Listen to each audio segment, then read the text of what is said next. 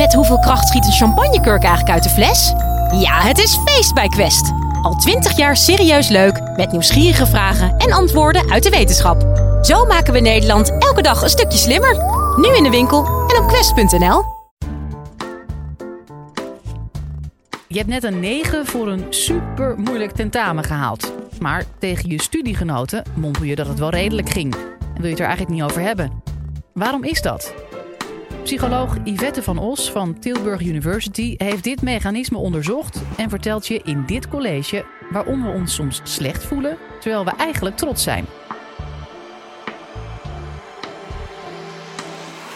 Dit is de Universiteit van Nederland. Trots. Als ik aan trots denk, denk ik automatisch aan Amerikanen. Amerikanen zijn namelijk een trots volk. Um, ze zijn echt bekend om hun borstklopperij. En ze zijn niet bang om van de daken te schreeuwen hoe fantastisch ze zijn. En niet alleen als ze een medaille winnen of zo. Uh, maar als je trots bent, dan uit je dat vaak. En dat uit je op een bepaalde manier, namelijk je maakt jezelf groter. Schouders naar achteren, borst naar voren, uh, kin een klein beetje omhoog natuurlijk. En je armen gaan vaak naar buiten om jezelf groter te maken. En deze trotsuiting wordt over de hele wereld getoond en herkend. Dus van Burkina Faso tot in Amerika en Polynesië tot in Nederland.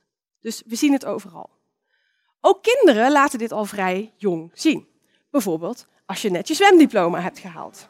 Je laat duidelijk zien, papa, mama, kijk eens wat ik gedaan heb. Uh, en daar ben je dan heel trots op. En dat laat je ook zien.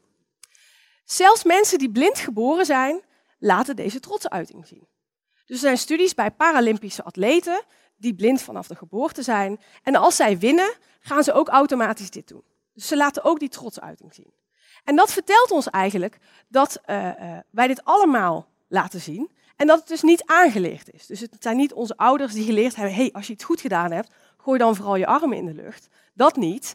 Um, en uh, het laat ons zien dus dat eigenlijk iedereen geboren wordt met een soort psychologisch systeem waarbij je automatisch je trots uit naar anderen. Nou, laten we even teruggaan naar die Amerikanen. Amerikanen zijn dus proud and not afraid to show it. Aziaten daarentegen, daar heb ik een heel ander beeld bij. Um, ik heb namelijk het idee dat ze juist nooit van de daken gaan schreeuwen hoe fantastisch ze zijn, maar dat ze zich veel nederiger en meer bescheiden opstellen. Dus dat is eigenlijk interessant, want we, we zien net hè, iedereen uh, over de hele wereld uit trots en herkent dat op de een of andere manier. Um, maar ik heb toch bepaalde stereotypen waarmee ik denk dat uh, uh, deze uiting of deze emotie zou moeten verschillen tussen culturen. En deze stereotypes over deze culturen hebben ook ertoe geleid dat uh, het onderzoek naar trots deels gebaseerd is op deze stereotypes. Dus onderzoekers die denken, hey, mensen uit westerse culturen, dus bijvoorbeeld Amerika, die vinden trots iets heel goeds. En er wordt aangeleerd, dat moet je uit, dat moet je laten zien, je mag eruit knallen als individu. Dus we gaan ervan uit dat Amerikanen sneller en vaker en intenser trots ervaren en dat ook sneller zullen delen met de rest van de wereld. Terwijl Aziaten of meer Oosterse culturen, uh, waar je juist niet je kop boven het maaiveld uit moet steken, want dat is slecht, daar zouden mensen minder snel, minder intens uh, trots moeten ervaren en dus ook minder snel uiten. Nou, we zitten dus met twee tegenstrijdige voorspellingen. Trots is universeel, het gebeurt over de hele wereld. Uh, en aan de andere kant verwachten we heel veel culturele verschillen. En we dachten, dat is interessant. Hoe zit dat nou precies? Nou, daar hebben we een experiment gedaan. En om dat uh, te illustreren wil ik jullie graag even dat jullie je even uh, inleven. Ik wil graag even dat jullie je voorstellen dat je een Chinees bent. Dat is misschien niet voor iedereen even makkelijk, maar doe even je best. Je bent een Chinees, je leeft voor het tafeltennis en je laat er alles voor. Je traint als een malle, uh, je eet heel gezond, je sociale leven is een puinhoop. Maar uiteindelijk kom je bij het moment suprême. Je hebt je gekwalificeerd voor de Olympische Spelen. Fantastisch. Je haalt de finale en je verslaat glansrijk je tegenstander. Je bent dus Olympisch kampioen tafeltennis. Maar de vraag is, hoe ziet die Chinees eruit? Wat doet hij? Gaat hij helemaal los als, als trots persoon? Of stelt hij zich juist heel erg bescheiden op en bedankt hij voor de eer? Uh, ik denk dat we allemaal ons voor kunnen stellen hoe een Amerikaan in die situatie eruit zou zien. Die zou er alles uithalen, denk ik. Andere situatie, zelfde Chinees. Je bent nog steeds een Chinees, je leeft nog steeds voor het tafeltennis. Uh, maar dit keer heb je je gekwalificeerd voor de finale van de nationale kampioenschappen. Um, Je hebt uh, uh, je tegenstander staan, dat is je beste trainingsmaat. Want hè, als je in een, in een, nationaal team zit, train je heel vaak samen. En dat zijn dus ook je directe tegenstanders. En je verslaat hem weer glansrijk. Je bent dus Chinees nationaal kampioen tafeltennis. En dat is niet niks, want in China betekent dat dat je de beste bent van 1,4 miljard mensen. Dat is nogal. Wederom de vraag, wat doet die Chinees? Uit hij zijn trots intens of uh, gedraagt hij zich bescheiden?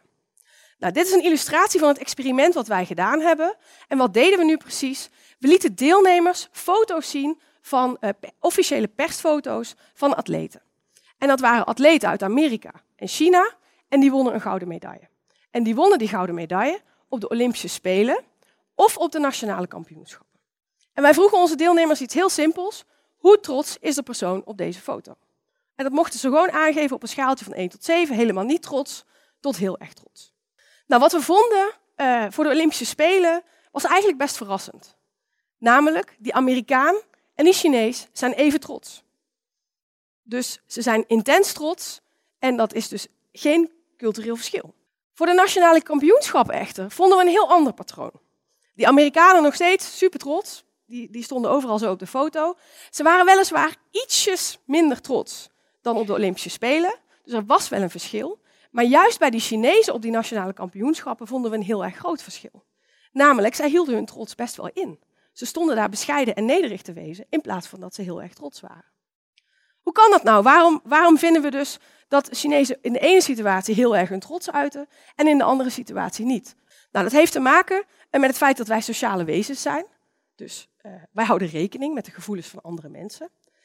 Op de Olympische Spelen heb ik net mijn internationale rivaal verslagen. En uh, die zie ik natuurlijk een aantal keer per jaar bij internationale kampioenschappen. Maar daar heb ik verder niet echt een band mee. Het is niet dat het mijn best buddy is. Maar als ik een nationaal kampioen word, heb ik mijn trainingsbuddy verslagen. De persoon die ik waarschijnlijk het meeste zie van alle personen op deze aarde. Daar heb ik een band mee. En die wil ik niet kwetsen. Dus mensen houden daar rekening mee. Waarom doen Amerikanen dat minder dan Chinezen? Dat heeft waarschijnlijk wel culturele uh, uh, gevolgen. Namelijk in westerse culturen uh, focussen we ons vooral op het individu, op hoe belangrijk ik ben en wat ik allemaal moet presteren. Terwijl in oosterse culturen gaat het meer om de groep, gaat het meer om het wij-gevoel. Om het alles toch nog iets beter te begrijpen, moeten we denk ik gaan naar wat is trots nu precies? Die emotie trots. Waar hebben we het dan over? Nou, volgens mij is trots een emotionele ervaring die je hebt als je een positieve uitkomst toeschrijft aan je eigen handelen. Dus ik heb een gouden medaille gewonnen. En die heb ik gewonnen omdat ik super hard getraind heb. Waarom ervaren we die emotie nu eigenlijk? Wat is, wat is nu het nut van trots? Nou, allereerst zorgt trots ervoor dat we ons goed voelen over onszelf. Ik heb het idee dat ik dingen kan, dat is prettig. En het zorgt er ook voor dat ik doelen ga stellen die eigenlijk hoger zijn dan de doelen of de ideeën, de plannen die ik eerst had. Dus het zorgt ervoor dat ik vooruit ga, dat ik mezelf verbeter. Aan de andere kant uh, zorgt trots er ook voor dat ik het ga uiten. Dus als ik trots ben, ga ik automatisch, zwel ik een beetje op en wil ik het graag met andere mensen delen. En dat kan heel erg nuttig zijn, want onderzoek heeft laten zien dat als je trots uit, dat andere mensen dan uh, een hogere pet van je opkrijgen. Dus je krijgt status, je krijgt aanzien. Dat is goed. Vreemd is eigenlijk dat als ik dat doe, dat ik me een beetje slecht voel over mezelf. En dat ik dat heel ongemakkelijk vind. Dus ik vertel, hey, ik eh, mag een college geven bij de Universiteit van Nederland.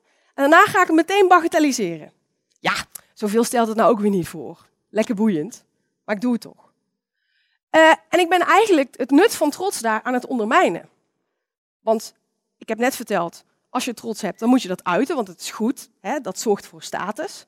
Maar aan de andere kant ga ik die prestatie die ik heb gedaan, ga ik zeggen, ja, zoveel stelt het ook weer niet voor. Nou, om dat uh, te kunnen verklaren, moeten we kijken naar trots is positief, het voelt goed voor mij. Maar trots wordt ook gezien als de hoofdzonde. Trots is hartstikke slecht. Er zijn heel veel filosofen uh, en, wereldreligies het over eens. Trots is slecht. Hoe kan dat nu?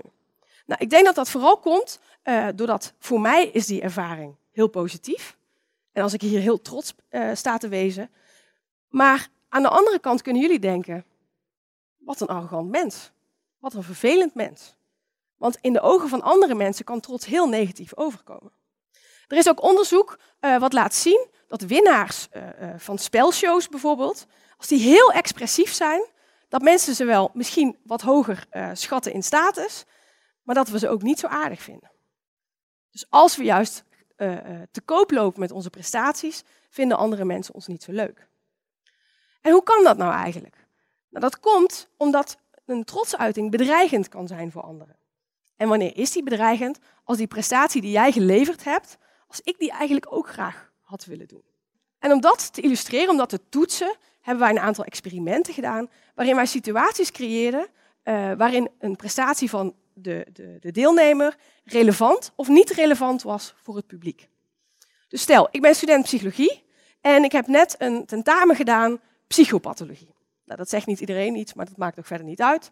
Uh, en jij bent ook student psychologie en uh, jij hebt ook dat tentamen gedaan. Ik heb een 9 gehaald, ik heb het echt supergoed gedaan. Maar ik weet niet zo goed wat jij hebt gedaan. En jij gaat mij vragen, hey Yvette, hoe ging dat tentamen? Dan ga ik zeggen, nou, het ging best goed. Het was echt boven verwachting. Ik had niet verwacht. En uh, ja, ik heb echt wel geluk gehad. En uh, ja, ik ben wel gewoon heel blij. Echt heel blij. Maar het cijfer, dat ga ik natuurlijk lekker niet vertellen. Want ik weet niet, stel, jij hebt een 5 gehaald, dan vind je dat niet zo leuk. Maar stel nou, jij bent ook een vriend van mij en uh, jij studeert scheikunde. Daar weet ik echt helemaal niks van af, dus ik kan niet eens een vak verzinnen wat, dat, wat daar gaat. Maar je hebt ook een tentamen gedaan en je vraagt aan mij, hey, hoe ging jouw tentamen? Ga ik meteen zeggen, ik had een 9. Het ging echt supergoed. Ik ben mega trots op mezelf. Dus je ziet twee hele andere reacties. En dat is niet omdat ik dat nu vertel, maar dat hebben wij in onderzoek dus gezien. Dat als mijn prestatie relevant is voor een ander en ik moet communiceren naar die ander, hou ik mijn trots een beetje in. Dus in plaats van dat ik helemaal zo ga, ga ik een beetje van, leuk, heel goed gedaan. Um, dus daar zien we een heel erg groot uh, verschil optreden. Nou, er is een lijn in de literatuur uh, die laat zien dat er eigenlijk twee typen trots zijn. De ene, de positieve kant van trots, wordt authentieke trots genoemd. En die ervaar ik inderdaad als een positieve uitkomst als ik die toeschrijf aan mijn eigen handelen, als ik daar moeite voor gedaan heb. En dat vinden mensen ook helemaal tof, behalve als het bedreigend voor hen is. Maar trots, authentieke trots, heeft ook een uh, vervelend broertje, namelijk hubris. En hubris is een vorm van trots die ik ervaar als ik een positieve uitkomst, dus ik heb een 9 gehaald voor een tentamen, toeschrijf aan mijn eigenschappen. Ik heb die 9 gehaald omdat ik nou maar eenmaal gewoon fantastisch ben en hartstikke slim.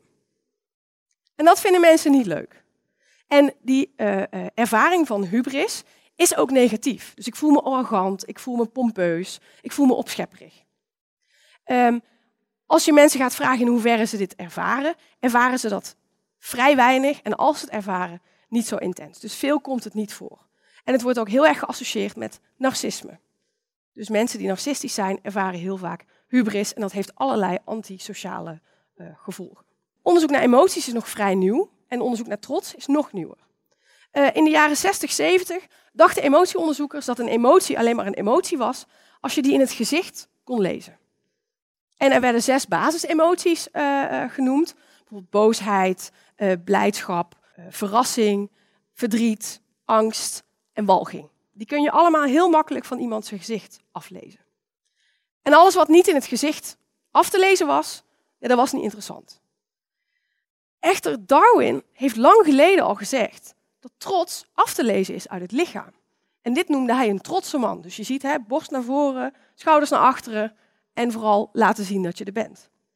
En dit is pas opgepikt in het uh, begin van de jaren 2000 door een uh, aantal uh, wetenschappers uit Canada. En die zijn dus gaan testen, hey, herkennen mensen dit ook? En toen kwamen ze er eigenlijk achter. Emoties zijn niet alleen maar dingen die je in het gezicht af kunt lezen. Er zijn dus nog meer soorten trots, maar daar is eigenlijk nauwelijks onderzoek naar gedaan. Bijvoorbeeld ouderlijke trots of familiaire trots. Dus ik kan enorm trots zijn op mijn twee kinderen. Nou, dit is een vorm van plaatsvervangende trots. Dus ik ben trots op iets wat iemand anders doet. Ja, ik heb mijn kinderen wel gemaakt, natuurlijk.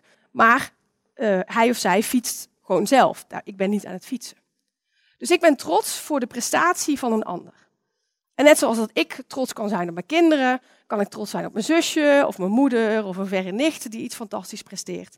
Uh, maar kinderen kunnen op hun beurt uh, weer trots zijn op bijvoorbeeld een huisdier, wat een fijne prestatie levert. Nou, er zijn nog meer vormen van plaats, plaatsvervangende trots, waarbij we de persoon niet daadwerkelijk kennen, maar waar ik een soort link mee kan leggen. Dus uh, we kennen allemaal het Nederlands elftal. Nou, op dit moment is er niks om trots op te zijn, maar normaliter zijn we heel trots op ons elftal. En we willen graag die associatie die we hebben, die link die we hebben, willen we heel duidelijk maken. Dus we gaan allemaal voor het oranje. Zij presteren, ik heb daar geen invloed op. En toch wil ik heel graag uh, het wijgevoel creëren. Dus zij zijn Nederlands en ik ben ook Nederlands. En je ziet dus vaak dat na wedstrijden, als ze winnen, dat de dagen daarna nog steeds heel veel referenties zijn naar dat oranje. Dat we nog steeds zo'n ding op onze antenne uh, hebben zitten bijvoorbeeld. Of nog iets oranjes dragen. En ik uh, durf ook te voorspellen dat na de verkiezingen nu in Amerika, dat er nog steeds veel meer posters van bijvoorbeeld Trump te zien zijn, weken na de verkiezingen. Maar dat alle posters de dag na de verkiezingen van Hillary Clinton meteen verwijderd zijn. Dus we willen ons associëren met succesvolle mensen en we willen ons juist niet associëren met niet succesvolle mensen. Waarom voel je je dus soms slecht, terwijl je eigenlijk heel trots bent? Nou, als mensen trots zijn, houden ze dus automatisch rekening met de gevoelens van anderen. En dat is heel nuttig, want als we dat niet zouden doen, zouden we geen status van ze krijgen.